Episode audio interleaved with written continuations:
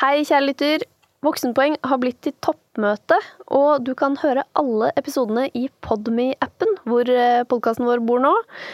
Hvis du abonnerer på E24 pluss eller noen annen Skipsted-avis, så får du gratis bruker ut august.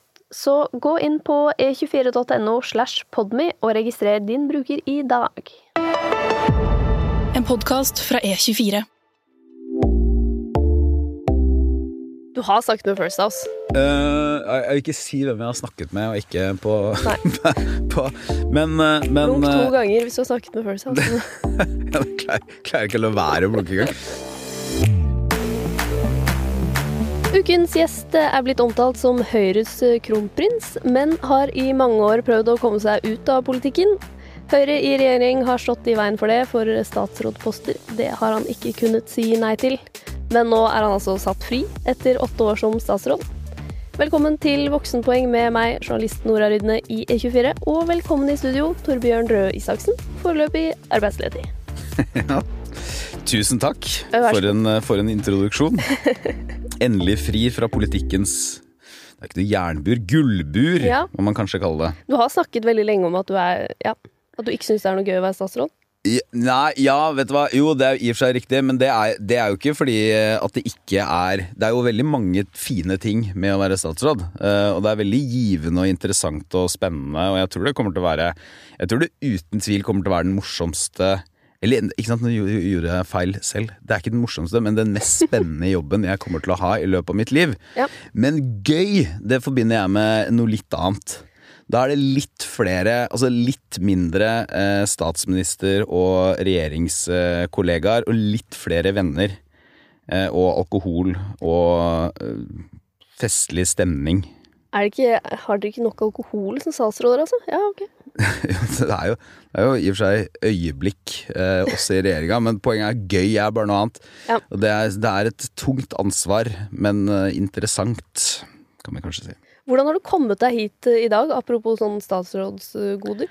Nei, I dag så uh, sto jeg 45 minutter og ventet på at det skulle komme en svart bil og hente meg. Ja. Eh, og så kom jeg på at hei, det gjør det jo ikke! Eh, så da gikk jeg til trikken. Nettopp. Jeg har kjøpt månedskort. Ja, men det er bra. Ja. Er du klar for tre kjappe voksenpoengspørsmål? Du, veldig gjerne. Hva er det beste du har gjort for karrieren? Du, det beste jeg har gjort for karrieren min Nå er jeg jo sånn midt i eh, livet, men, eh, men tidligere så er det beste jeg har gjort for karrieren min, det er eh, å være nesten monomant opptatt av å, ba, å gjøre en god jobb der jeg er, der og da. Og, og ikke hige etter i hvert fall ikke vise at jeg higer etter å stadig klatre oppover, og at eh, dette er bare en sånn eh, Hva heter det? Rundbøye? Hva kaller man det for noe? Rundingsbøye. Um, og det tror jeg har vært veldig smart, eh, og det har gjort at jeg har hatt det ganske greit med meg selv. Og det har gjort at jeg også har kommet mye lengre enn hvis jeg hadde gjort det motsatte. For det folk som er skamløst ambisiøse og viser det, i den forstand at de viser at dette er jeg egentlig ikke fornøyd med, så jeg har egentlig planer om å komme meg til helsike vekk fra denne juniorposisjonen. Det tror jeg egentlig ikke du tjener så mye på på sikt. Hva er det beste du har investert penger i?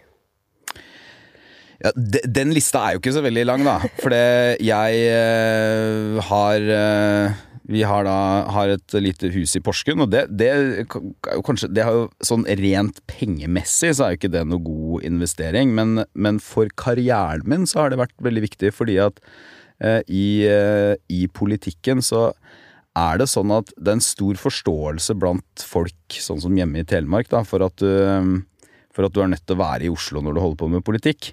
Men de, av like forståelige grunner, så vil de jo gjerne ha politikere og folkevalgte som, som de føler at ikke bare har reist innafor, som de sier, eh, men også har eh, noen røtter planta hjemme. Ja, de har Så det har vært en god investering. Ellers så har jeg en aksje i, eh, har jeg en aksje i Klassekampen. Eh, som i og for seg har vært en investering i en avis, men jeg tror ikke Men også en dårlig sånn økonomisk investering, da. Og det heier vi på. Ja, slenger på den. Hva er det verste du har investert penger i, da?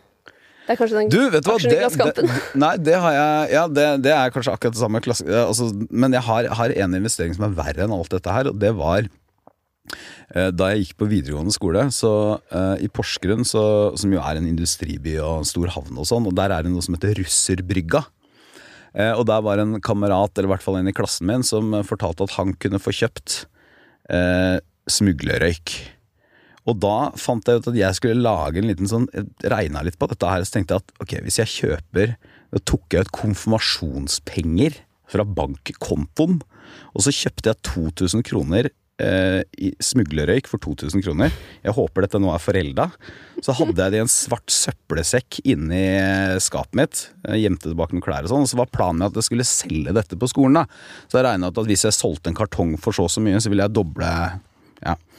Men det var ingen som ville kjøpe den der litt sånn råtne eh, russiskproduserte røyken. Eh, I hvert fall ikke kartonger, så det endte med at jeg både røyka veldig mye selv, Ja. som jo ikke er noe sunt. Så kjøpte, solgte jeg sånn enkeltpakker med røyk for sånn 10 kroner og 15 kroner og sånn, og det brukte jeg ofte på skoleboller i kantina, så jeg ble egentlig ganske tjukk også. Eh, og jeg hadde 2000 kroner minus på kontoen. Ok, så tjukk og andpusten av det. Tjukk og usunn og andpusten og fattigere. Så det var en helt ekstremt dårlig, dårlig investering. Dette er en veldig bra Og, søknad og jo også, må sies, veldig ulovlig. Ja, ja. Eh, Som, som, som jeg nok ikke tenkte så mye på som jeg burde eh, da jeg var 17 eller noe sånt. Getting engaged is a moment worth cherishing. A one of a kind ring that you design at Blue Nile can help your love sparkle. Just choose your diamond and setting. When you've found the one, you'll get it delivered right to your door. Finding the right engagement ring can be nerve wracking. At Blue Nile, you'll have the expert guidance needed and a diamond guarantee that ensures you're getting the highest quality at the best price. Cherish all of life's moments and save up to 30% at BlueNile.com. That's BlueNile.com. Ryan Reynolds here from Mint Mobile. With the price of just about everything going up during inflation, we thought we'd bring our prices down. So to help us, we brought in a reverse auctioneer, which is apparently a thing. Mint Mobile unlimited premium wireless. Ready to get 30, 30, bit to get 30, bit to get 20, 20, 20, bit to get 20, 20, bit to get 15, 15, 15, 15 just 15 bucks a month. So, Give it a try at mintmobile.com slash switch. $45 upfront for three months plus taxes and fees. Promo rate for new customers for limited time. Unlimited more than 40 gigabytes per month. Slows. Full terms at mintmobile.com.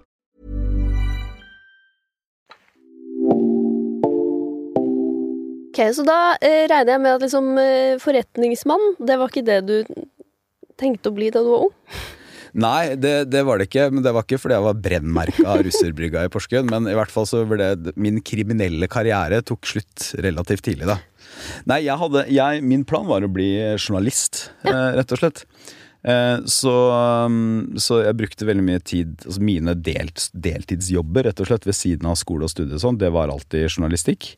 Eh, og så fikk jeg råd fra mange av disse gamle gutta, det var stort sett det, eh, i eh, både Porskens Dagblad og Varden, da, som var avisen jeg jobba i, om at Journalisthøgskolen, det syntes de bare var noe tull. Så de mente at enten måtte jeg bare fortsette å skrive, begynne å jobbe, eller så måtte jeg ta et ordentlig fag, og så skrive ved siden av. Så da tok jeg statsvitenskap, og så skrev jeg, så, men så ble det så mye politikk at da kunne jeg ikke fortsette med journalistikken. Da. Men det, hvordan kom du deg inn i, i lokalavisa? Nei, det, det var en helt sånn klassisk eh, at eh, jeg, eh, jeg kom hjem, jeg hadde vært utvekslingsstudent i USA. Så gikk jeg ned til eh, Forskens Dagblad så sa jeg eh, jeg kan skrive små saker om det dere måtte ønske. Eh, og da fikk jeg 25 kroner. Eh, for jeg tror jeg fikk 75 kroner for en helside eller noe sånt, kanskje 100 kroner. Og så 25 kroner for sånne små eh, snutter. Og da var det alt fra ting jeg fant på at eh, jeg så at det var noen i nabolaget som hadde basar, eller eh, jeg dro på et kirkemarked, og så etter hvert så bygde det litt på seg. Så etter hvert hadde jeg helgevakter og sommerjobber og, eh, og var der mer, da. Og likte det. Og likte det veldig godt. Eh, og særlig, jeg syns jo den eh, er mye Altså det er veldig mye, lære, veldig mye å lære fra alle forskjellige typer virksomheter, men, men lokalavis er noe Jeg lærte veldig mye av det, har jeg skjønt i etterkant, fordi at prinsippet når du har en lokalavis fra Porsgrunn, det er jo, eh, skjønte jeg veldig tidlig, da, det at folk vil lese om seg selv. Så jeg spurte alltid han redaktøren sånn Jo, men det er jo et mye penere bilde Da gikk vi rundt med kamera ikke sant, og fremkalte film og sånn. Så sa jeg det er mye penere bilde dette ene hvor bare han Torstein står med bollene han selger. Eh, hvorfor skal du ha med de ti andre? Jo, fordi at folk vil se bilde av seg selv i avisa. Og det å, og det å, eh, det å rendyrke det, at man skjønner det at vi er en lokalavis, folk skal se bilde av seg selv, eh, det er vårt konsept. Vi skriver om ting som skjer her, og da er store, store nyheter i Porsgrunn kan være store her, selv om de er helt ubetydelige eh, i resten av verden. Så lærte jeg mye om Så det lærte jeg, og så lærte jeg mye om eh, å se Altså se historier. Eh, For eksempel så hadde jeg en førsteside med en regnstorm som ødela kirsebærtrærne til en sånn deltidskirsebærbonde i Eidanger. Jeg merker at dette skal ikke dra ut i mange timer, akkurat den historien. Men poenget er at det, ikke sant, hvor, hvor- hvorfor er det noe sak? Han, levde, han ble ikke, var ikke konkurs eller noe sånt. Men det var en, det ble, var en fin sånn menneskesak, for han fortalte litt om uh, kirsebærtrærne, og det var noen koselige bilder. Og, og det å se den, det menneskelige aspektet ved små og store ting, det har, har jeg tatt med meg. Ja. God trening for politikk, det. Ja, og for veldig mye annet også, tror jeg. Ja. Rett og slett, for det er jo, eh, det er jo en sånn fellesnevner i Altså, hvis du ikke skal eh, sitte inne i et rom eller nede i en bunkers og analysere helt alene, eller skrive helt alene, eller trade helt alene, eller hva det nå er, så er det nesten umulig å finne en posisjon hvor du ikke må forholde deg til mennesker. Eh, så det hvordan man forholder seg til mennesker, og hvordan man finner eh, Som journalist så var det da historier, men hvordan man får noe godt ut av mennesker, hvordan man bygger tillit, hvordan man bygger lag, hvordan man får, gjør at folk føler at vi er med på noe som er litt flott og stort, det er jo viktig. Uansett. Både i politikken og andre steder. Hvordan ble det politikk? Det, det var også en veldig sånn klassisk uh, ting. Det var, uh, det var 1994, det var EU-valgkamp. Uh, det var mye interesse for politikk eh, i Porsgrunn på den tida. Og så hadde jeg de fleste av mine kamerater ble med i AUF, fordi Porsgrunn er en Ap-bastion, har vært det historisk. Eh, jeg følte ikke helt at det passa, og så fikk jeg alle programmene fra de forskjellige ungdomspartiene, sånn, og så blei det Unge Høyre til slutt. Ok. Så det, noen blir jo rekruttert eh, fordi de er litt eh, nerds, og Ja. noen blir rekruttert fordi de skal på fest. Du var i Og- første kategori. Jeg rekrutterte Altså Delvis rekrutterte jeg meg selv fordi jeg var nerd, eh, Ja. rett og slett. Jeg fikk en til å melde meg inn, da, som jeg visste at var med i Unge Høyre. Men um, det var ikke for fest, nei. Det var det ikke. Sa han med forakt i stemmen. Skal ikke feste når man er ungdomspolitiker. Men eh, hva eh, Hva skjedde? Hvorfor, eh, hvorfor ble du? I politikken. Ja, Tenkte du at sånn her har jeg funnet min nisje? Nei, jeg syns, jeg syns det, er, det er egentlig et godt spørsmål uh, å bringe meg over på en av mine kjepphester. Da. Det er at uh, til da journalister rundt om i landet så ser jeg veldig ofte at unge politikere de blir spurt om eh, de har ambisjon om å komme på Stortinget eller bli statsminister eller noe sånt. Og jeg synes at det er Man må få lov til å være ung og engasjert og ønske å forandre verden, da. Det var, jeg, det var såpass. Altså det, jeg var Jeg eh, skrev ganske mange flaue leserinnlegg som viste at her var det mange store tanker som i etterkant fremstår som ganske pinlige, da. Men om hvordan verden og samfunnet skulle være og sånt. Og var, var, var nok i grunnleggende opposisjon mot sosialdemokratiet. Og dette er jo litt som sånn um, det, er, det er litt må huske på at i Porsgrunn så er Jeg har noen ganger snakket med folk fra Bærum eksempel, som vokser opp omgitt av høyrefolk. Ikke sant? Og da skjønner, jeg kan skjønne litt at man da kommer litt i opposisjon til alt det innebærer. I Porsgrunn så er det motsatt. Det er ingen Det er jo høyrefolk i Porsgrunn, men det, er, men det er ikke så veldig mange. Så Porsgrunn er Arbeiderpartiet, og var det da jeg vokste opp. Eh, fra vegg til vegg, nærmest. Så jeg kom veldig i opposisjon til det. Og så, mm, og så ble jeg fordi jeg syntes det var givende og gøy, og jeg synes det var, eh, ble etter hvert da leder i en lokalforening, ikke sant. Og da Porsgrunn Unge Høyre. Og lærte jo litt av det også. Du, bare ta et sånt litt banalt eksempel, men jeg husker vi skulle ha et sånt møte eh, foredrag eller noe sånt. Hvor jeg tenkte at nå kommer det sikkert eh, mange mennesker, da. Så jeg hadde booket en sal hvor det viste seg at det var 200 plasser eller noe sånt. Og så kom det jo tolv stykker. Eh, og da lærte jeg noe om å styre forventninger, for eksempel. Eh, alltid sette ut for få stoler, begynte jeg med da. Så begynte jeg om Jeg, jeg eh, altså helt bokstavelig, jeg gikk inn i alle møterom vi skulle ha. Og så satt, tok jeg vekk alltid masse stoler, sånn at jeg uansett om det kom tolv stykker, så måtte jeg alltid sette ut da to stoler til. Bra tips. Ja, det er faktisk ikke et så veldig dumt tips, og det er jo overførbart til andre arenaer også. Fordi da virket det alltid som det kom litt flere enn man forventet. Ja, ja. Kunne også virket som du hadde veldig lave forventninger, men Jo, men etter hvert, man får jo realistiske forventninger, da. Ja. Så det kom jo ikke 200 ungdommer i Det gjorde ikke det i Porsgrunn på 90-tallet, i hvert fall, for å høre en eller annen tilfeldig sentralstyremedlem i Unge Høyre snakke om flat skatt. Nei, det er ikke, det er ikke, det er ikke et kjempedraw, kanskje. Nei, nei, det var, var nok ikke det. Men du likte å lede. Ja, jeg, jeg gjorde jo egentlig det.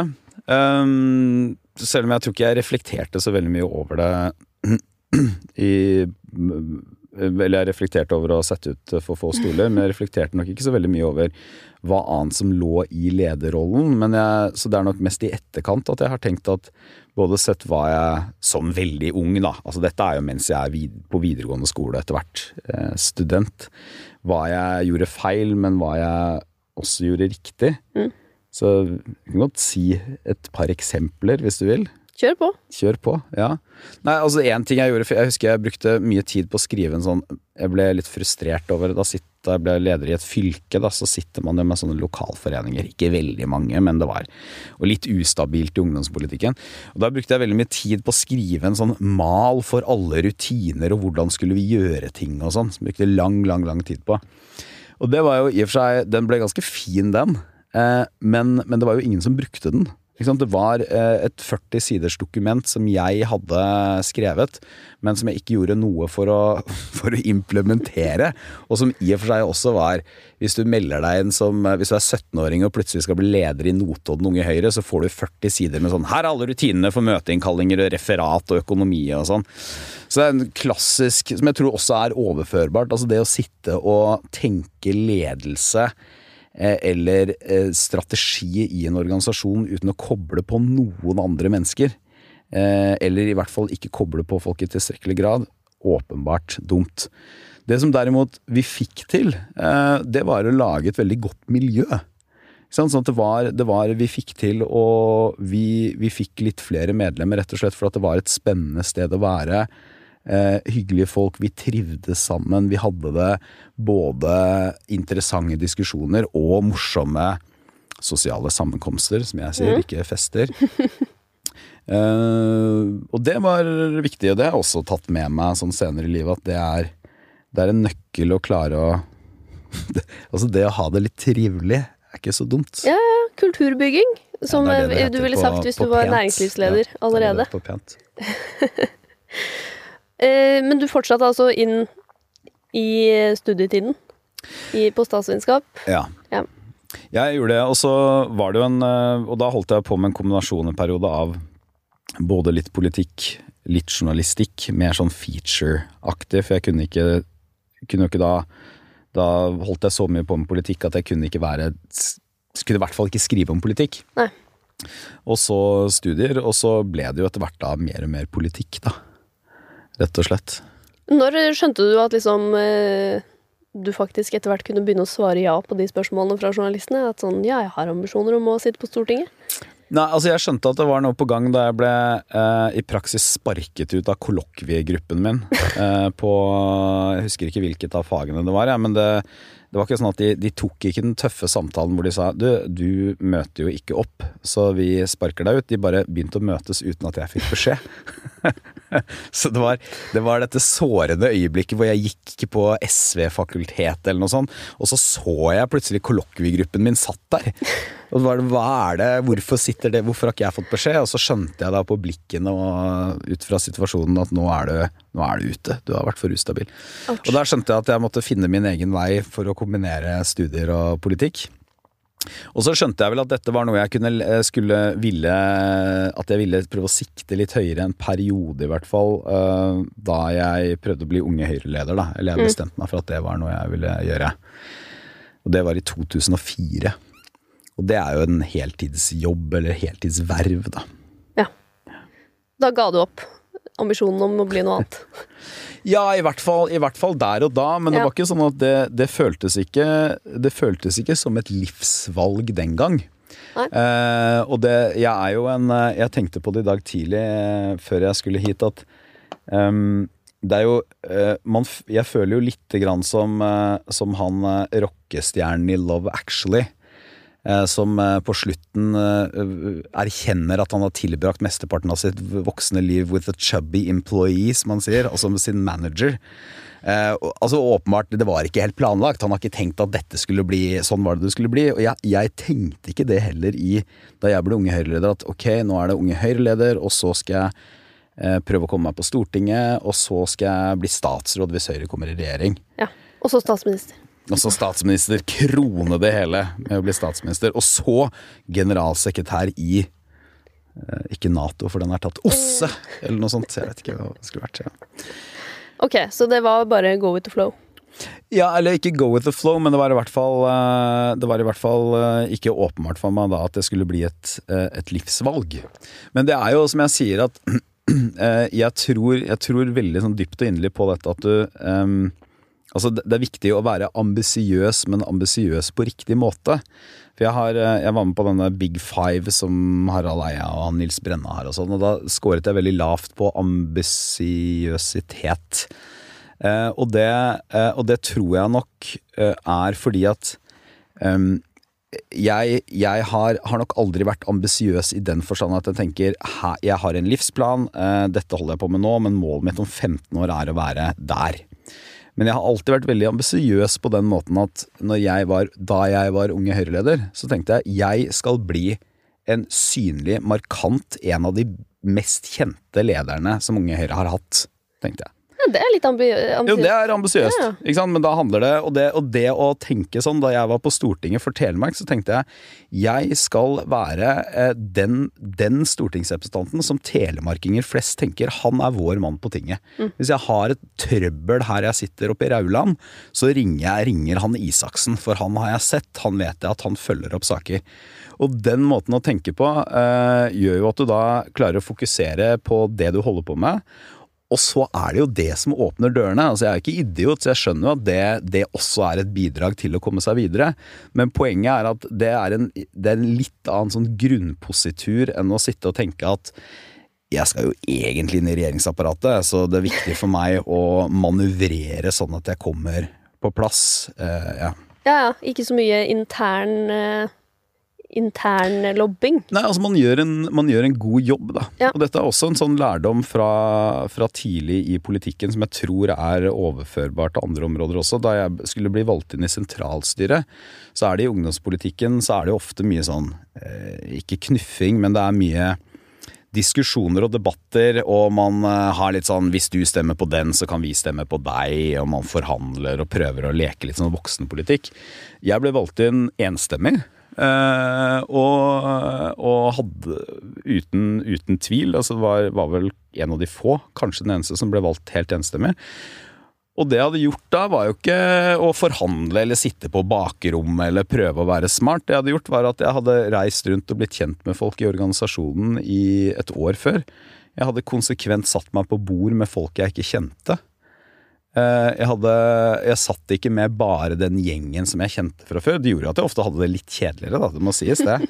Eh, Men, men igjen, sånn det er en måte å det er en måte å egentlig sånn gjøre en jobb på. eh, Å være smartere enn de som tror de er innmari smarte. Ja, ja. Mm. Litt skjult ambisjon. Ja, du kan godt kalle, du kan godt kalle, det, du kan kalle det det. For det er jo ikke, det er jo ikke sånn at jeg det, jeg, har jo, jeg har jo hatt en Jeg skjønte jo særlig etter hvert da jeg kom på Stortinget, da, så skjønte jeg jo at Jeg skjønner jo at det å gjøre en god jobb også åpner videre dører. Eh, men, eh, men eh, jeg, tror ikke, jeg tror det er en ganske god idé å holde Holde fokuset på eh, der du er. Som Yoda Dette var nesten det Yoda sa til Luke Skywalker i eh, episode Hva er det for noe? Fem, tror jeg. Ja. Ja, altså i Star Wars-referansen, det tar jeg ikke, så det, jeg vil stole på at du Never your mind on where you are eh, now, eller noe sånt, sier han. Uten sammenligning mellom meg og Yoda, Yoda og meg for øvrig, altså. The number one selling product of its kind with over 20 years of research and innovation. Botox Cosmetic, out of botulinum toxin A, is a prescription medicine used to temporarily make moderate to severe frown lines, crow's feet, and forehead lines look better in adults. Effects of Botox Cosmetic may spread hours to weeks after injection, causing serious symptoms. Alert your doctor right away as difficulty swallowing, speaking, breathing, eye problems, or muscle weakness may be a sign of a life threatening condition. Patients with these conditions before injection are at highest risk. Don't receive Botox Cosmetic if you have a skin infection. Side effects may include allergic reactions, injection site pain, headache, eyebrow and eyelid drooping, and eyelid swelling. Allergic reactions can include rash, welts, asthma symptoms, and dizziness. Tell your doctor about medical history, muscle or nerve conditions, including ALS or Lou Gehrig's disease, myasthenia gravis, or Lambert Eaton syndrome and medications, including botulinum toxins, as these may increase the risk of serious side effects. For full safety information, visit BotoxCosmetic.com or call 877 351 0300. See for yourself at BotoxCosmetic.com. Life is made up of many gorgeous moments. Cherish them all, big and small, with Blue Nile. Whether it's for yourself or a loved one, Blue Nile's unrivaled selection of expertly crafted fine jewelry and statement pieces help make all your moments sparkle. Blue Nile's experts are on hand to guide you, and their diamond guarantee ensures you get the highest quality at the best price. Celebrate a life well lived in the most radiant way and save up to 30% at BlueNile.com. That's BlueNile.com.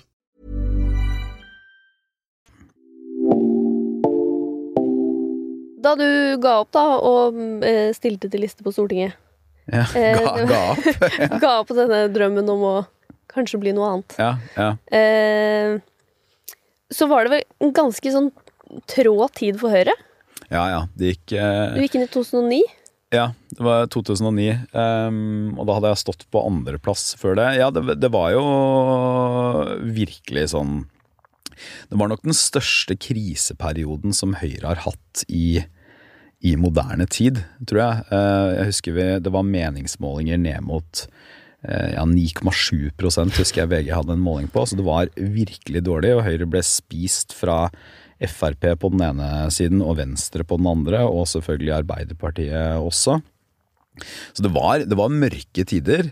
Og så var det en, en eh, Det å, eh, å dra hjem og stille For da hadde jeg bodd i Oslo og holdt på som student og sånn, selv om jeg hadde sittet litt i bystyret og sånn, men det å dra hjem og stille var også en oppvåkning fordi at det var, det var første gangen jeg skjønte eh, det som man i dag snakker veldig mye om med sånn Oslo-bobla og eh, Dagsnytt 18-offentligheten og sånn. For jeg hadde vært en veldig profilert Unge Høyre-leder eh, i, i det sentrale medie-Oslo. Kanskje særlig i en del sånn flater som var hakket mer akademiske, da. Så jeg hadde altså Morgenblad eller dags, var det masse i Dagsnytt 18 og sånn. Civita og Ja, ikke sant, men jeg var også i VG og NRK og var med på liksom, debatter og sånn, men allikevel jeg følte at jeg hadde en veldig høy profil, og så kom jeg hjem, og så husker jeg en måling de hadde tatt opp på hvem som var kjente stortingskandidater fra Telemark, og da var Bård Hoksrud, som jo satt på Stortinget, han var den altså, massivt mest kjente, altså si det var sånn 60% som visste hvem han var. For meg så var det jeg husker om det var 25% eller noe sånt, kanskje. Det var mye høyere enn en del av de andre. Altså det var, Jeg var på en solid andreplass, men det var på ingen måte det jeg hadde forestilt meg. For jeg hadde tenkt at jeg er jo en kjempeprofilert leder i Unge Høyre og Ung Politiker og sånn, og kommer nå hjem til Telemark. Eh, Og der vet jo folk hvem jeg er. Eh, Men det var en Det kombinert med at mamma og pappa sa Eh, For da hadde jeg begynt å skrive noe i Morgenbladet, så sa de Jeg vil høre du har begynt å skrive inn noe sånn Morgenposten eller noe sånt. uh, og det er Mora og faren min er, de er liksom lærere og bokhyller og sånt, men det, det er bare en verden som de ikke forholder seg til. Og da skjønte jeg at hvis jeg skal stille til valg her i Telemark, så, kan jeg, så må jeg gjøre det Altså jeg må gjøre det på en annen måte enn jeg hadde tenkt. Eh, altså jeg må inn, og jeg må eh, jobbe med telemarkssaker. Jeg må bli kjent med folk her på en annen måte. De må bli kjent med meg. De må vite at eh, jeg sitter ikke på Stortinget for å skrive eh, tosiders kronikker i Morgenposten. Eh, jeg sitter her fordi at hvis du har et problem i, eh, i Dalen eller Rauland eller Porsgrunn, så kan du ringe til meg, og så kommer jeg til å prøve å gjøre noe med det. Hvordan var den omstillingen fra Altså, du fikk jo da vært med på de fire årene du satt på tinget, så gikk jo da eh, Høyre fra å være helt bånn i bøtta eh, og mye hetset, Mm. og Erna Solberg fikk gjennomgå, Ja, ja. til å eh, sitte i regjering. Ja. Voldsom opptur på fire år. Voldsom Hva, bidro du noe der? Ja, det, det gjorde jeg nok, eh, fordi jeg satt også i, eh, i partiledelsen. Jeg satt der både som unge Høyre-leder, og så hadde jeg et kort opphold på et år eller noe sånt før jeg ble valgt inn igjen. Um, og da bidrar man jo i liksom de større strategiske diskusjonene og sånn. Men jeg tror, jeg tror noe av det som gjorde at for Høyres del så var det um, eh, Altså det, var, det, det, det føltes jo som om noe hadde endret seg, men samtidig så var det en del av en langsiktig strategi. Ikke at vi visste absolutt alt, men, men det var en veldig viktig og god prosess etter at vi gikk totalt på trynet i 2005, eh, hvor Høyre fikk den, tror jeg, i politikken vanskeligste, men mest nødvendige erkjennelsen, nemlig det er ikke deg, det er meg. Eh, For veldig vanlig, hvis partier gjør det dårlig, så sier man jo, men vi kommuniserte ikke godt nok, og velgerne forsto ikke budskapet vårt og sånn. Det vi skjønte, og det Høyre skjønte i 2005, var det er, det er oss. Det er ikke velgerne som ikke har skjønt det. Velgerne liker ikke, eh, liker ikke det Høyre de ser. Og for å være helt ærlig, vi kjenner oss ikke helt igjen i det, vi heller. Eh, og da startet denne lange veien mot å hvor, hvor selvfølgelig den aller viktigste personen var Erna. Men den lange veien mot å gjøre Høyre til et, et bredere parti, et klarere klar, klar profil på saker, men ikke bare økonomi og skole. Bredde ut på helse, psykisk helse. Eh, jobbe mer med å ha sterke stemmer over hele landet, altså være et reelt sett landsdekkende parti.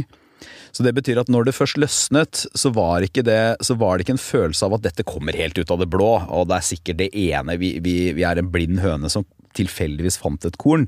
Altså vi, vi følte nok veldig at dette er et resultat av et møysommelig arbeid over veldig mange år. Eh, og en strategi som da til slutt treffer. Var det digg da det endelig traff? Ja, det var veldig digg.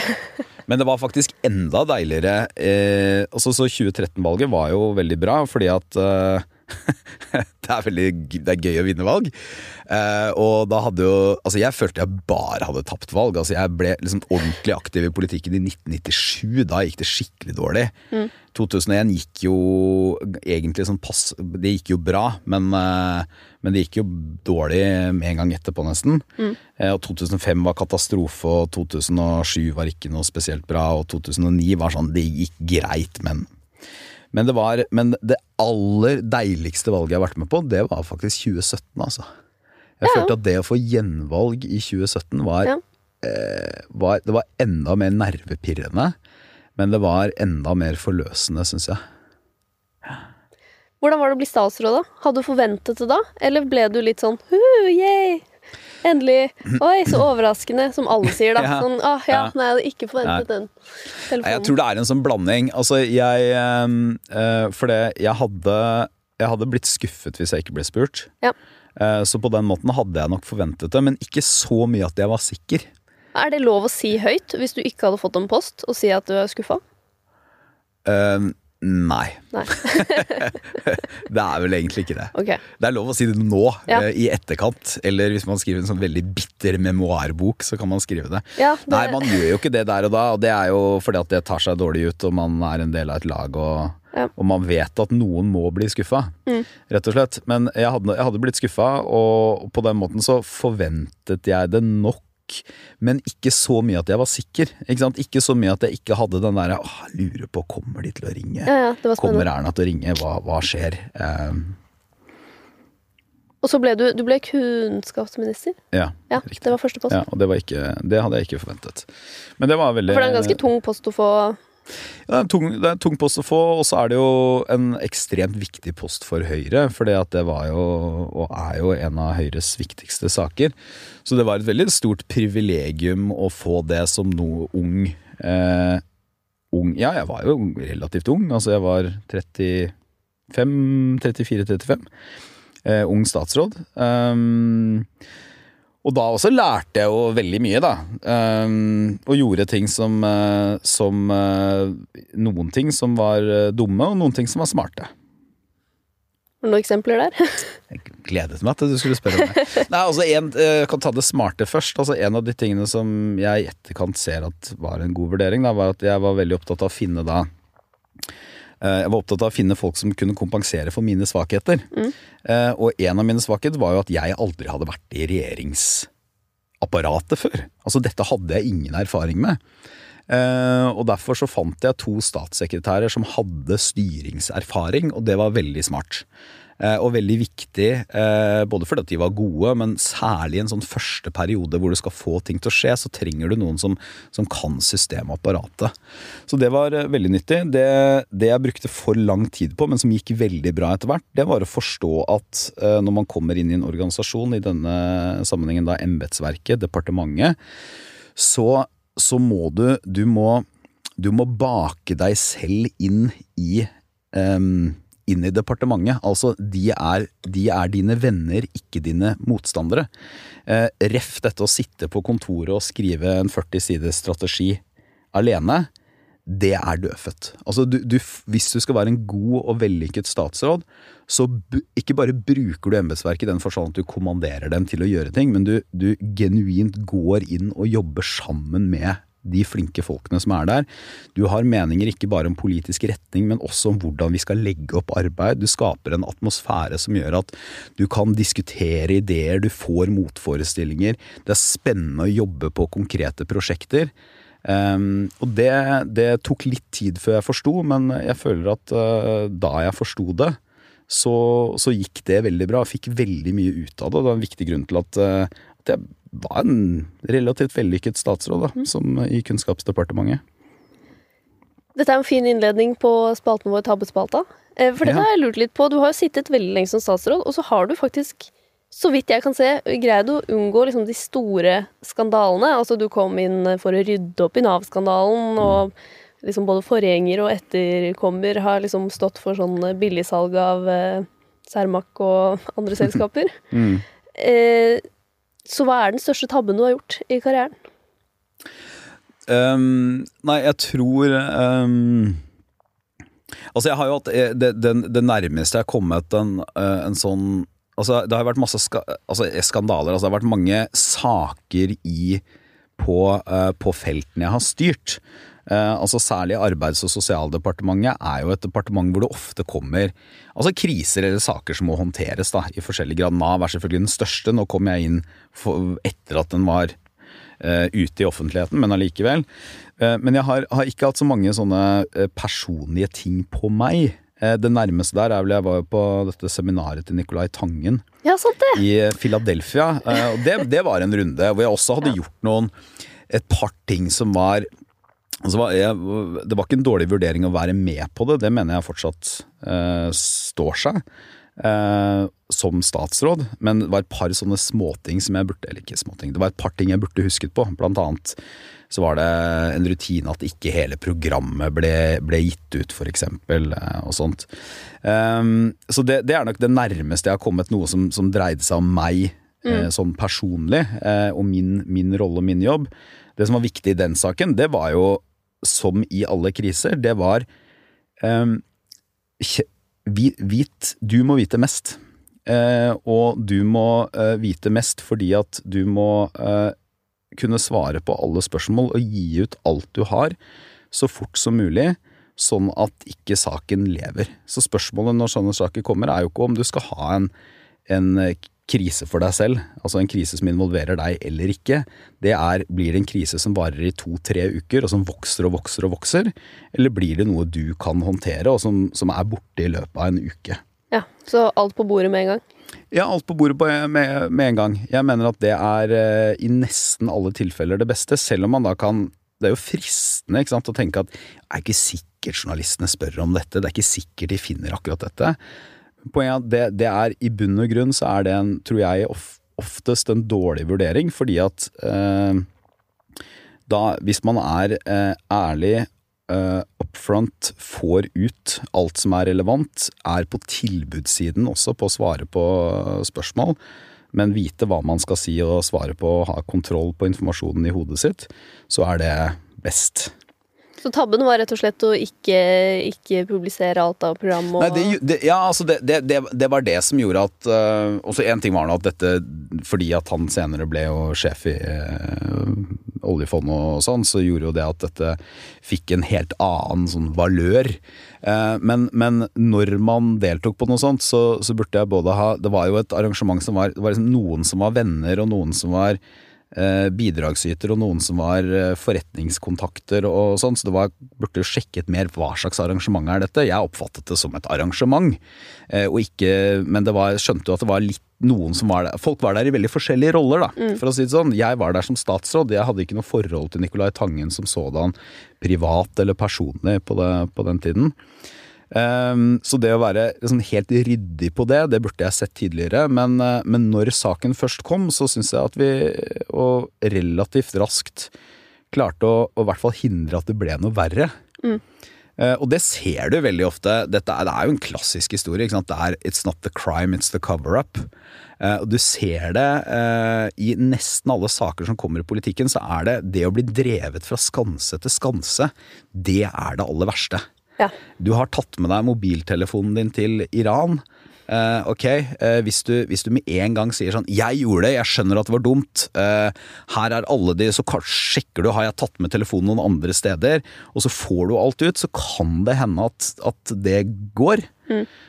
Men hvis det er pressen eller andre som må avsløre at du hadde også møte med iranere der, eller du hadde med telefonen til et annet sted, eller du har gjort diverse andre ting, så, så mister du totalt kontroll, og du, til slutt så, så havner du i en situasjon hvor du går jo stort sett ikke av i Norge på mistillit, men du går av fordi at det er ikke mulig å gjøre jobben din oppi all støyen som er knyttet til en bestemt sak. Så det løser seg jo ganske greit? ja, vi kan oppsummere det. det altså, i, hvert fall, i, hvert fall, det var en veldig ubehagelig periode, ja, ja. må jeg si. Jeg, synes, jeg, tok dette veldig til meg, for jeg, er, jeg, liker ikke Jeg har ikke noe mot å stå i stormer, men jeg er, ikke noe, jeg er ikke så komfortabel når det dreier seg om noe jeg føler jeg har gjort uh, feil. Uh, men, uh, men, det løste seg greit, i hvert fall i den forstand at det var jo noen som var viskommentatorer som mente at etter dette så var det var liksom, Min politiske karriere var ferdig. Nå er den i og for seg ferdig nå, men det, det er ikke pga. den saken. Frivillig. Ja. så eh, når det ikke var eh, Tangen eh, Tangen-arrangement som eh, drev deg ut, hva, når bestemte du deg for å slutte? Altså, det er jo for så vidt fire år siden du ikke stilte på listen. Ja, altså, for jeg, jo, jeg hadde jo egentlig tenkt, eller varslet at jeg ikke skulle ta gjenvalg på Stortinget i 2017. Eh, men da ble det jo en veldig sånn drive etter valgseieren og sånn, og det var helt naturlig for meg da å, å fortsette, hvis Erna ville det. det er jo, man er jo alltid avhengig av det. Um, men så hadde jeg nok Jeg har nok tenkt i, i ganske lang tid at jeg på et eller annet punkt vil også prøve noe annet enn eh, en politikk. Eh, og så kom det punktet nå. Da var det et naturlig punkt å gjøre det på. Både sånn Jeg er 43 år, dvs. Si fortsatt ung nok relativt sett da, til å reelt sett kunne gjøre noe annet. Mm. Så jeg har tre små barn. Eh, kan, det hadde vært vanskeligere å sitte jobbe med politikk ti år til, og så gå ut. Eh, så det var et godt tidspunkt, rett og slett. Ja, Lære seg noen nye triks. Tips og triks. Tips og triks. Ja, altså det jeg, bruker, det jeg bruker mye av tiden på nå, da, som arbeidssøker, det er å prøve å Jeg har brukt litt tid på å finne ut hva er det jeg kan. Eh, for det er, ikke, det er, ikke, nødvendigvis helt åpenbart hva er det man har fått med seg av litt mer sånn generiske ferdigheter etter eh, et eh, år i, eller 15 år i toppolitikken. Vi har kulturbygging. Buzzord. Rett inn på CV-en. Kulturbygging, buzzord, ikke sant. Nei, så Det er nettopp noen sånne ting, noen sånne mm. refleksjoner og noen konkrete eksempler. Sånn jeg har tenkt mye gjennom f.eks. hvordan vi gjennomførte den største eh, sammenslåingen av universiteter og høyskoler eh, siden begynnelsen av 90-tallet, da jeg var kunnskapsminister. Det var en ganske komplisert prosess. Jeg, min bakgrunn er jo, utdanningsbakgrunn er jo statsvitenskap, så jeg har jo ikke noe sånn altså, Men jeg, jeg tror mange av de tingene vi gjorde da, har jo finere ord eh, som man bruker eh, for å styre sånne prosesser, og hvordan er det man forholder seg til forskjellige interessegrupper og alle disse tingene. Men så må jeg jo finne, finne et sted hvor eh, Eller finne ut hvordan det jeg kan, møter det noen har behov for. Det er jo spennende. Pluss om må finne litt ut hva er det jeg har lyst til, da. Hvor mange har prøvd å headhunte deg så langt? Nei, det er ikke noe sånn, vet du hva, det er ikke noe sånn tall på, tall på det. For det, det jeg har oppdaget, er at um, jeg uh, jeg, altså, jeg, jeg, jeg, eh, For meg så er det aldri Altså, jeg skjønte veldig tidlig at jeg kan ikke sitte hjemme i stua og bare vente på at folk skal komme til meg med eh, spennende ting. Så jeg gjør heller ikke det. Altså, jeg har ingen, jeg har ingen illusjon om eh, at det bare kommer rekende ting på en fjøl. Altså, jeg har tenkt at eh, Så jeg bruker også tid på Jeg ringer folk. Ikke ringer folk og sier sånn Hei, har du en jobb? Men jeg ringer og spør eh, Hei, eh, har du tid til en kaffe? Mm. Dette er det Jeg syns disse tingene er spennende. Jeg syns det dere holder på med her er spennende. Um, ja. Og så og så skal jeg jo etter hvert prøve å lande noe, da. Ja. Men, men, men, men jeg tror det der å bare sitte og vente på at eh, Bare sitte passiv og vente på at ting skal komme, det, det tror jeg ikke er så smart, rett og slett. Har du kommet noe nærmere? Nærmer seg liksom når blir det ny jobb? Nei, jeg må, jeg, det, jeg, eh, jeg må prøve å lande noe i løpet av Altså, før jul er jo helt åpenbart, for det, etter, etter jul så har jeg jo ikke noe Jeg kan ikke søke om noe mer etterlønn engang. Men eh, nå er det vel er, Det er jo ikke en måned engang siden vi gikk av, da. Nei, nei. Så jeg har gitt meg selv et sånn par-tre uker til på å eh, se hva som er mulighetene, rett og slett. Jeg har jo noen forslag. Ja, få høre. Sentralbanksjef. Nei, det er jeg ikke kvalifisert for, dessverre. Ja, Bra det, men det, det liker jeg at du sikter så høyt, at du har så store, høye Ja, tanker. Ja. Vi begynner der, så går vi litt ned. First House. ja.